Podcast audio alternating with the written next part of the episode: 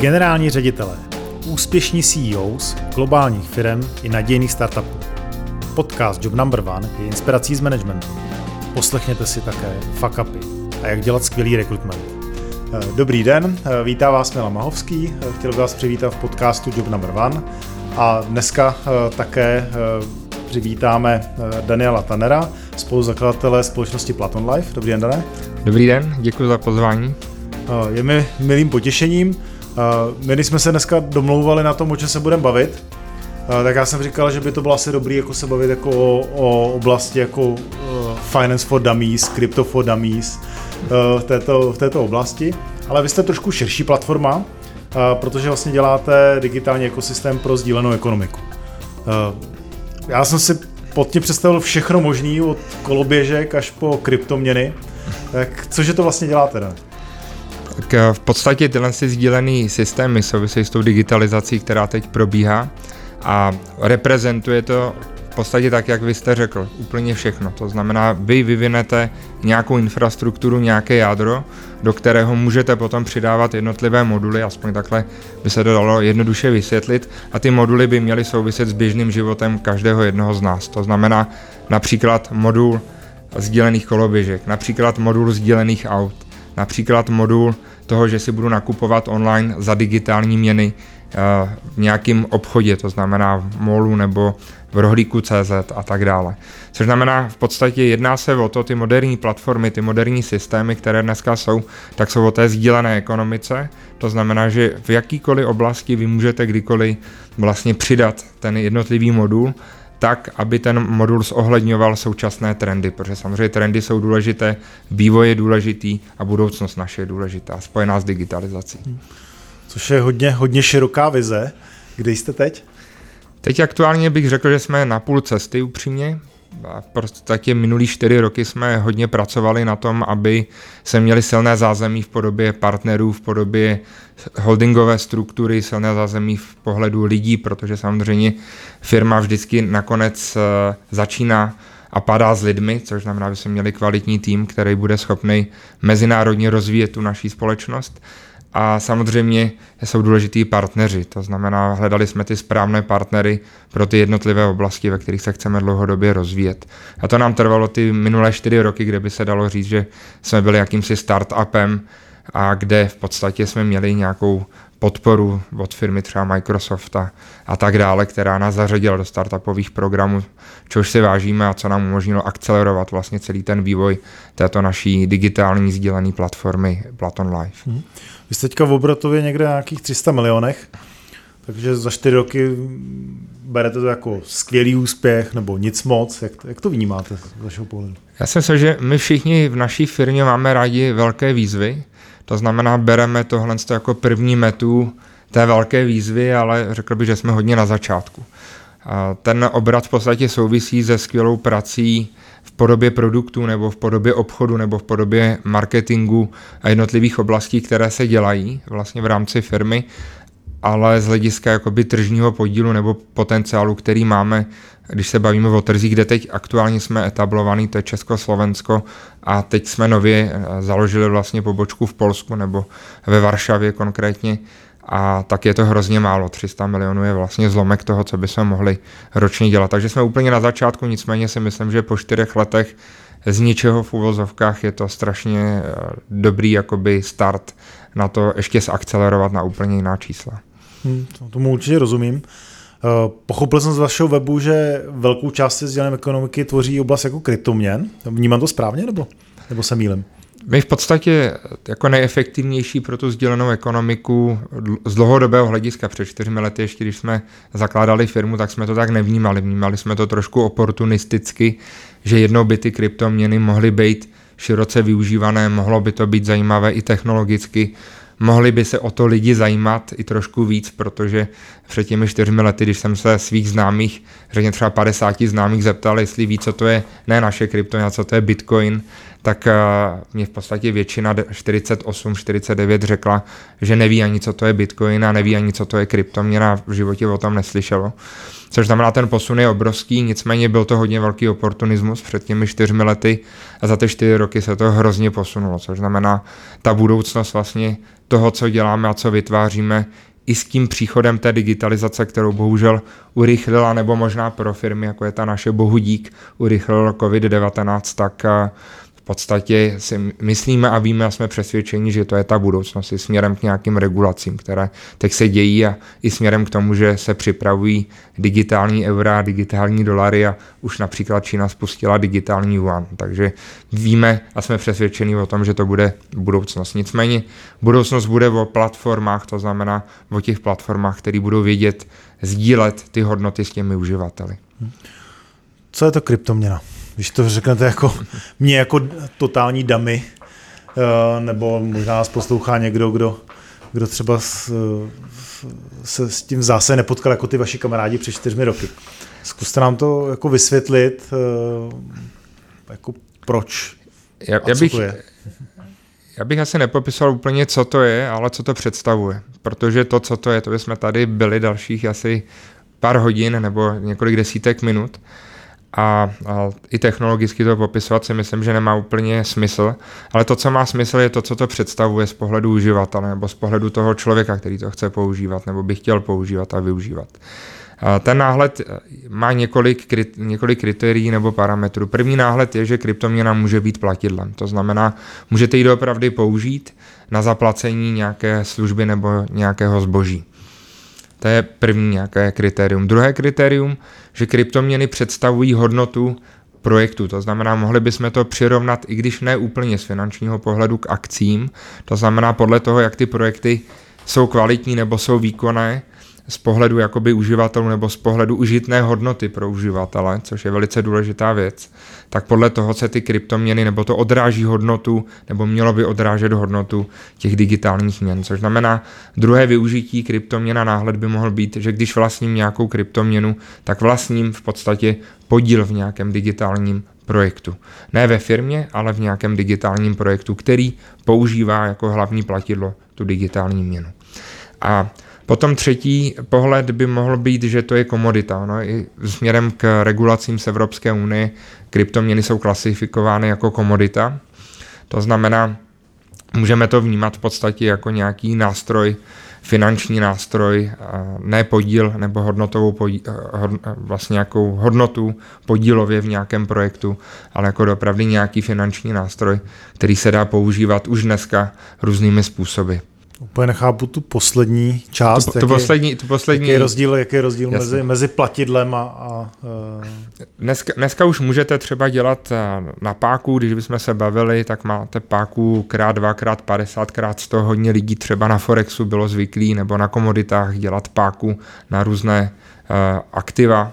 To znamená, v podstatě to samé dneska už je, nebo se používají kryptoměny jako finanční nástroj. To znamená, víme s kryptoměnama jako takovými už dělat třeba spekulace na a, různých platformách, které nejsou už kryptoměnovými burzami. To znamená, víme online v podstatě s ním, se k ním chovat tak jako k finančním nástrojům do určité míry.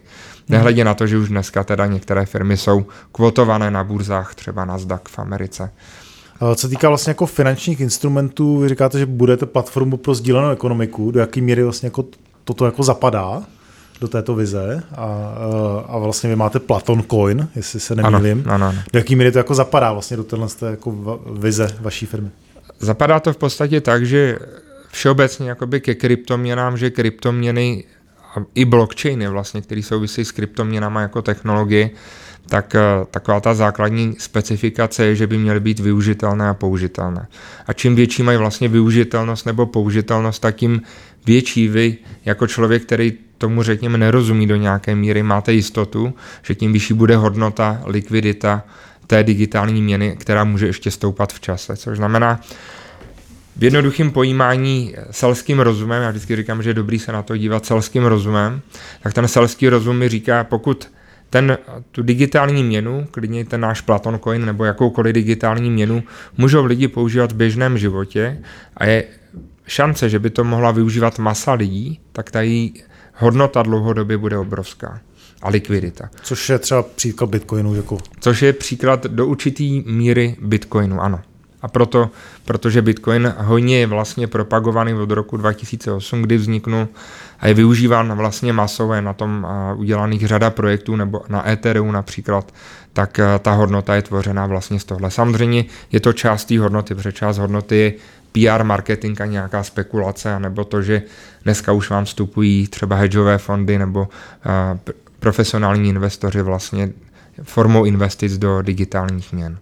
Jo, takže samozřejmě ta hodnota už dneska neodráží jenom tu užitnou hodnotu, ale i řekněme nějakou míru spekulace, která je na tom trhu. Se dostávám vlastně do oblasti jako investic. Eh, pokud jsem manažerem, mám dostatek volných prostředků a přemýšlím nad tím, eh, jak ty prostředky investovat, jak udělat takovou diverzifikaci eh, svých investic. Co vy byste jako vnímal, že, že jako správná strategie, eventuálně jak, jak, jak to děláte vy sám? Ano, v podstatě upřímná odpověď je na to, že dochází k transformaci. K té transformaci dochází, teď nemyslím z hlediska jakoby digitálních měn a kryptoměn, odbočím, potom se k tomu samozřejmě vrátím, protože to souvisí s tím, tak dochází k digitální transformaci jakoby světa. To znamená, to je i ten metaverse, o kterém se teď hodně píše a nějaké NFT a tak dále. A ta transformace proběhne vlastně tou digitalizací v rámci celé planety. To se prostě nevyhne dlouhodobě z pohledu nějakých pěti, deseti let nikomu. A teď eh, v podstatě to, jak to souvisí s těmi digitálními měnami nebo s projekty, které eh, v podstatě používají ty digitální měny, tak je, že ty projekty, které budou vlastně v rámci té transformace používány nebo využívány, tak jsou ty projekty, které mají smysl. Bych to dokázal dokonce, nebo bych to přirovnal k privatizaci, protože jsme v Československé republice nebo v Československu a tady hodně lidí zažilo privatizaci. V privatizaci byla to vlastně nějaká změna v rámci změny režimu a tak dále a tak dále.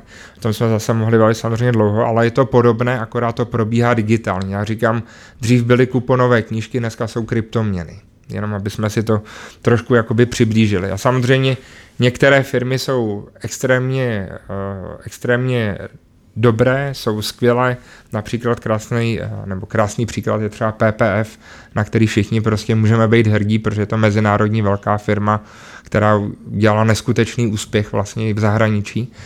Ale pak jsou samozřejmě firmy, které zkrachovaly. Ono podobně se to dá přirovnávat i k dotcom bublině, která byla v roce 2000, že máme firmy Netflix, Amazon, Google, které vznikly v roce 2000, ale zase máme x tisíc firm, které zanikly.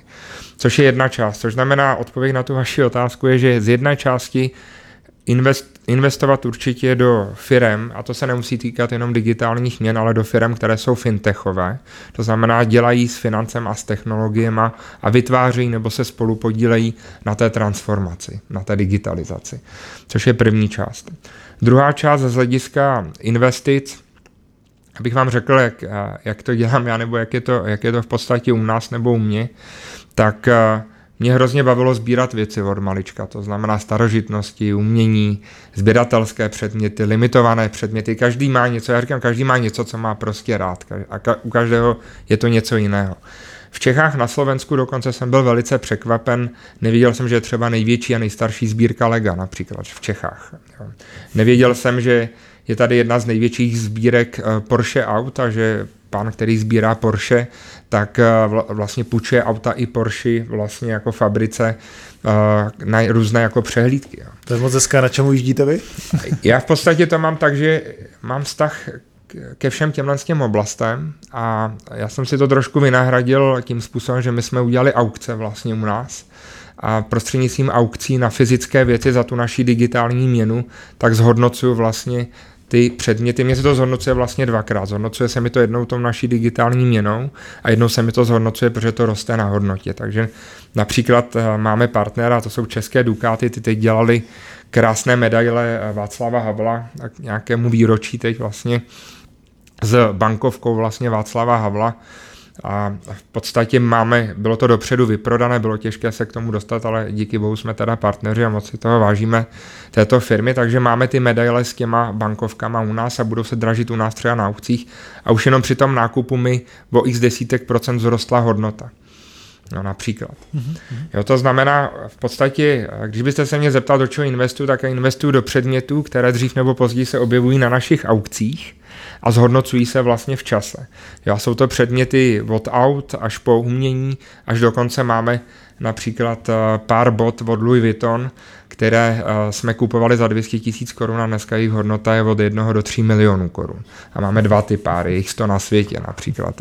A budeme připravovat samozřejmě takovou jako galerii v, v našich kancelářích vlastně na sídle na Václavském náměstí, kde máme nějaký 300 metrů čtverečních kanceláře, tak z toho chci udělat ne, aby to byly nudné klasické fádní kanceláře, ale prostě chci z toho udělat galerii, kde ty naši lidi, partneři a partiáci budou pracovat a mezi tím prostě budou vystaveny ty boty, že jo, od Louis Vuittona, nebo budeme mít i třeba digitální umění a bude na obrazovce prostě vidět od známého umělce, protože máme připravenou spolupráci s velice významnými a známými umělci československými, protože ještě důležité je dodat, že si hodně zakládám na Československu, to znamená, snažíme se vybírat ty lidi, kteří něco umějí a vytváří. Hmm.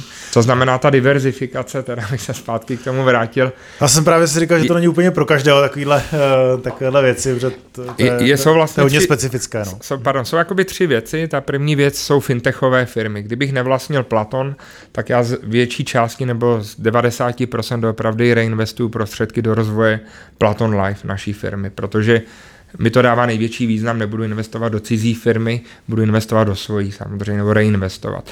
Potom eh, druhý bod eh, je umění, sběratelské předměty a třetí bod jsou potom nemovitosti. Nicméně všichni víme, že eh, teď už ty nemovitosti bylo dobré investovat před dvěma, třema, čtyřma, pěti lety, Teď se dost mluví o tom, že jsou na nějakém vrcholu, možná ještě v některých lokalitách, nebo pravděpodobně budou minimálně o inflaci výš, ale asi žádné terno to nebude už minimálně, kde to má smysl a význam, je třeba uložení peněz. Jo. To se můžeme bavit třeba i o zlatě.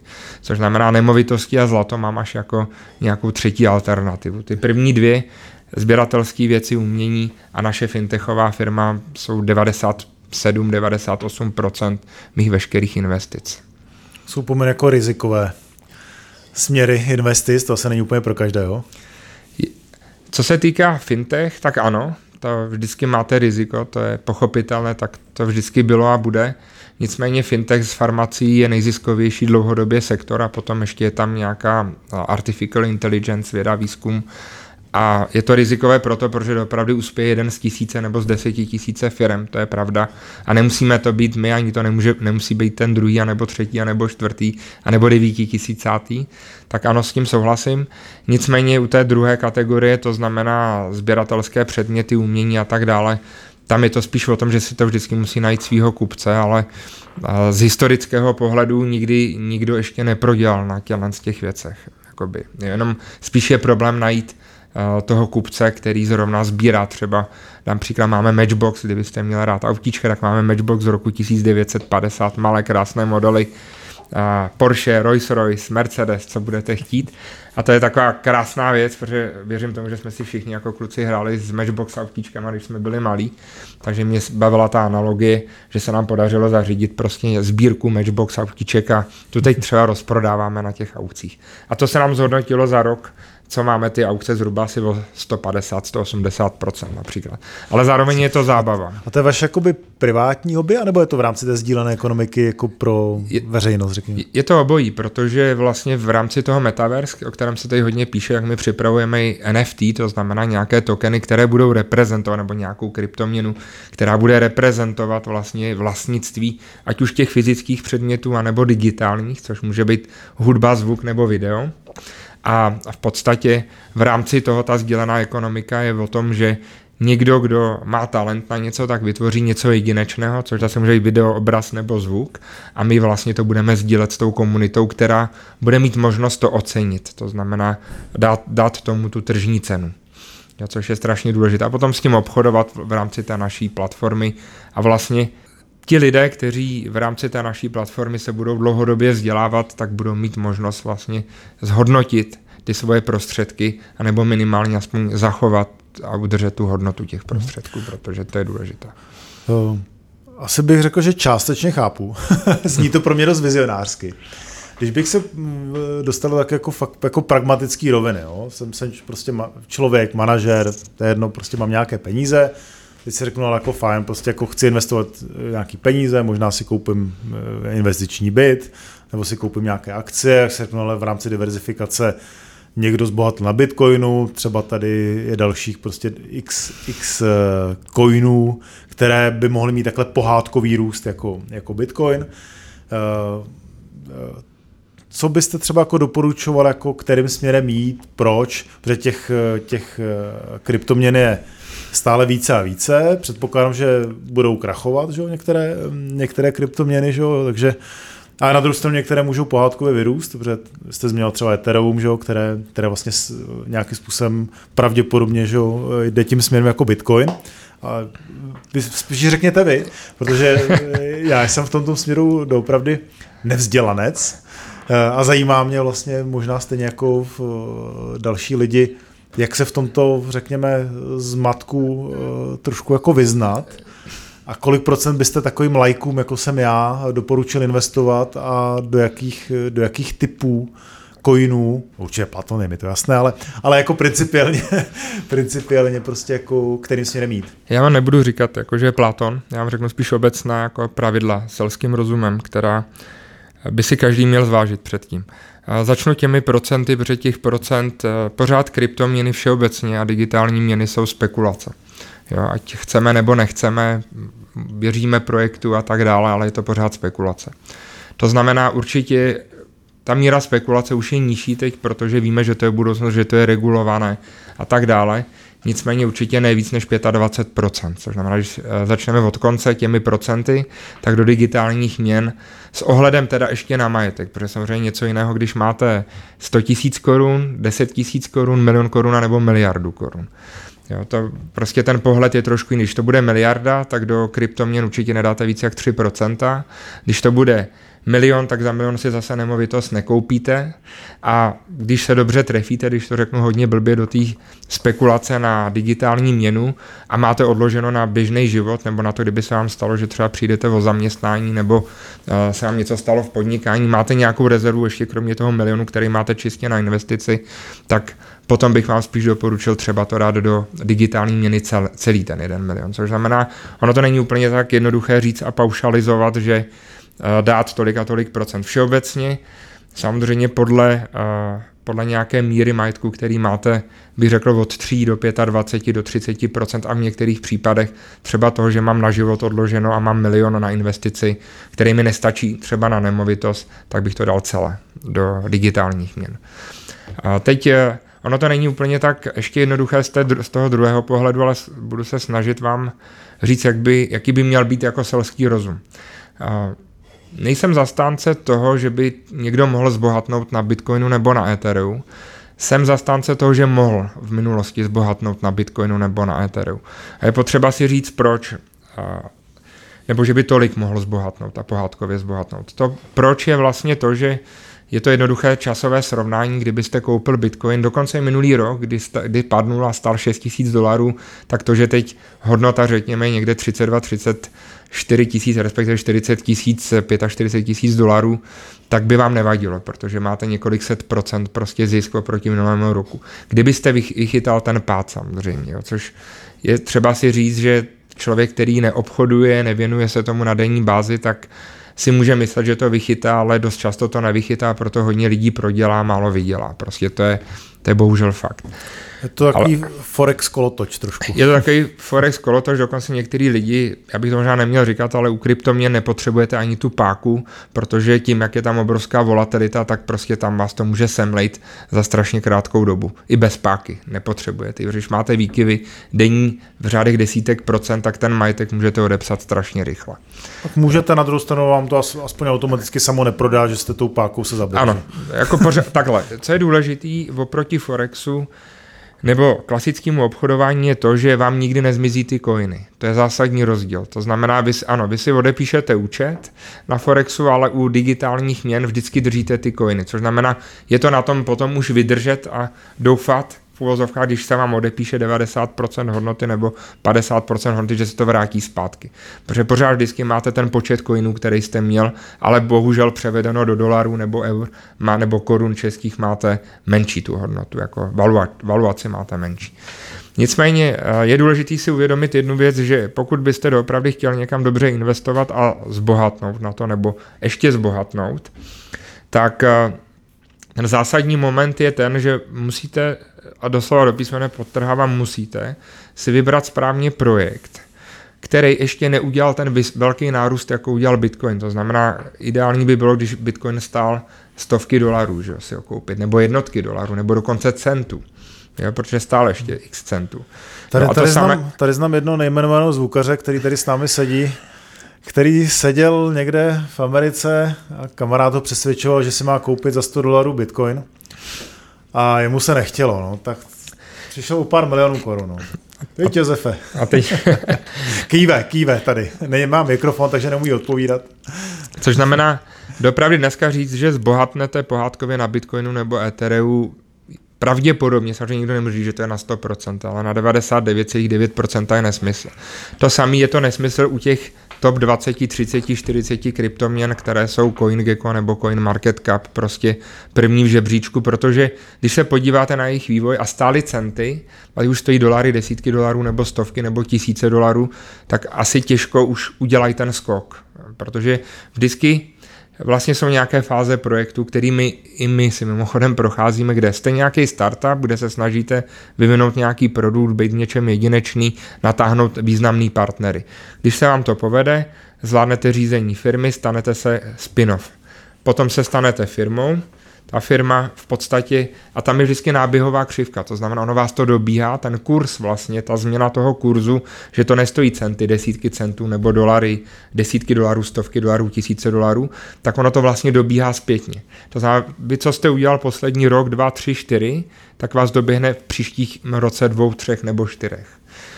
To znamená, jestli chcete jakoby zbohatnout, anebo si minimálně uchovat nebo dobře investovat peníze do kryptoměn, tak si musíte vybrat projekty, které už mají za sebou ten startup, protože startup je dost rizikový. Jo, co znamená, když se chtěl pohádkově zbohatnout, dám příklad, můžu dát příklad třeba u nás. My máme za poslední čtyři roky rozdíl mezi nejnižší hodnotou Platon Coinu a nejvyšší hodnotou 1300-1500%. Jo, to znamená, jestli někdo byl chytrý a před uh, dvěma a půl roky nás koupil prostě na burze, tak mohl vydělat 1600% oproti tomu nebo 1300% oproti tomu, co je to teď. Ale samozřejmě extrémně by riskoval, protože když jsem před dvěma lety za někým přišel, on se mě zeptal, jak je to s tvojí firmou, já jsem řekl, mám vize, mám nápad, jak co udělat a řekl jsem mu, nemůžu ti říct, že to bude fungovat, protože to nevím, protože to nemáme otestovaný, nemáme audity, nemáme ty čísla, že jo, ty hard data, abych mohl říct, je to fakt firma, která bude vydělávat. Proto jsem nevěděl. A je dobrý, podle mého názoru, není pro běžného člověka, který tomu nerozumí, dobré investovat do čehokoliv, prostě, co je na začátku, protože to se pravděpodobně spálí v 99,9%. A teď řeknu možná blbě věřit tomu, že si přečtu článek a že tady se píše, že někdo zbohatnul na miliony euro nebo dolarů přes noc. OK, je to jeden člověk, ale kolik lidí na tom prodělal. Jo, což znamená, podle mého názoru, ta nejlepší fáze je, když už ta firma tu startup fázi má za sebou, má dobrý partnery, ale ještě nemá tolik uživatelů. To znamená, má už nějaký uživatele, aspoň v řádech tisíců, ale nemá ty uživatele v řádech deseti tisíců, sta tisíců nebo milionů. To znamená, že ta adopce ji teprve čeká. Co to znamená dobré partnery? Dobré partnery, když se podíváte na nejúspěšnější firmy, teď samozřejmě odmyslíme Bitcoin, ale eh, když se podíváme, ale i Bitcoin vlastně ve své podstatě, tak vlastně za nima, když se podíváte, kdo je spravuje, nebo kdo je vlastní, nebo kdo je spoluvlastní, nebo kdo spolupracuje s těma firmama, tak jsou to nadnárodní firmy vždycky. Jo, to znamená, vy jako firma, která má být úspěšná, Většinou, nebudu říkat, že, že to je ve 100% případech, ale většinou potřebujete mít silný záda, to znamená silného partnera, mezinárodního partnera, který vás bude podporovat. A co to, co to znamená, že vás podporuje? To znamená, to může být z pohledu technologií, z pohledu financí, z pohledu marketingu, PR, ono ty pohledy vlastně v tom digitálním lomeno finančním světě je několik. Někdo má, má peníze od začátku, má miliony euro, nebudu jmenovat, tak si najme prostě LeBron Jamesa a LeBron James, je to známý basketbalista, prostě mu dělá reklamu. A už neřeší, jestli zatím je technologie, jestli to je použitelný nebo není. Prostě Rozumím. LeBron řekl, že to je skvělý, tak lidi to nakoupí. A třeba za rok, za dva to zkrakuje. Varianta jedna. Jo, máte, to je marketing a PR. Varianta dva, máte technologie, to znamená, vy máte partnera, který vám řekne, OK, tenhle směr, kterým chceš jít, tak je zajímavý, zapadá do nějakého, do, nějakého, jakoby do nějaké vývojové fáze v rámci té digitalizace. A když se ti to technologicky povede udělat, zpracovat, nastavit, naprogramovat a bude to fungovat, což je dost důležitá podmínka, že to musí fungovat, tak my ti pomůžeme jako partner s tou adopcí na ten trh. My ti dáme tu naší infrastrukturu, aby ty si byl schopný to rozšířit masově. Mhm. To je druhá. A pak třetí, máme finančně investiční, to znamená, já už mám ten produkt, mám něco, co je jedinečný, významný, nějaký patenty, know-how, blockchain technologie, tak přijde silný člověk, finančně silný, který zase je silný, ale přes trhy, to znamená třeba hedžový fond nebo privátní nějaký investor, který řekne, OK, tady máš 10 milionů euro, já ti podpořím z hlediska likvidity, z hlediska tradingu, z hlediska listingu na velké burzy a tak dále. Že jsou, různé, jsou vlastně různé formy toho, jak ta firma může být úspěšná. Velmi, velmi zajímavé. Uh, Dane, my jsme si hezky povídali, trošku jste mě jako damy, uh, damy člověka v oblasti kryptoměn obohatil. Uh, pro dnešek náš čas už vypršel.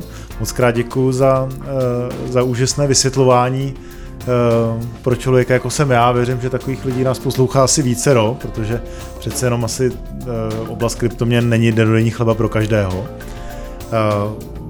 Určitě se budeme těšit na další díl a rád bych si vlastně s váma povídal o oblasti dobročinnosti, možná i Evropské unii a její digitalizace a i o tom vlastně, jak získávat ty partnery, o kterých jste před chviličkou mluvil, protože vlastně vy a vaše firma má extrémně zajímavé partnery, kteří asi nejsou úplně obvyklí.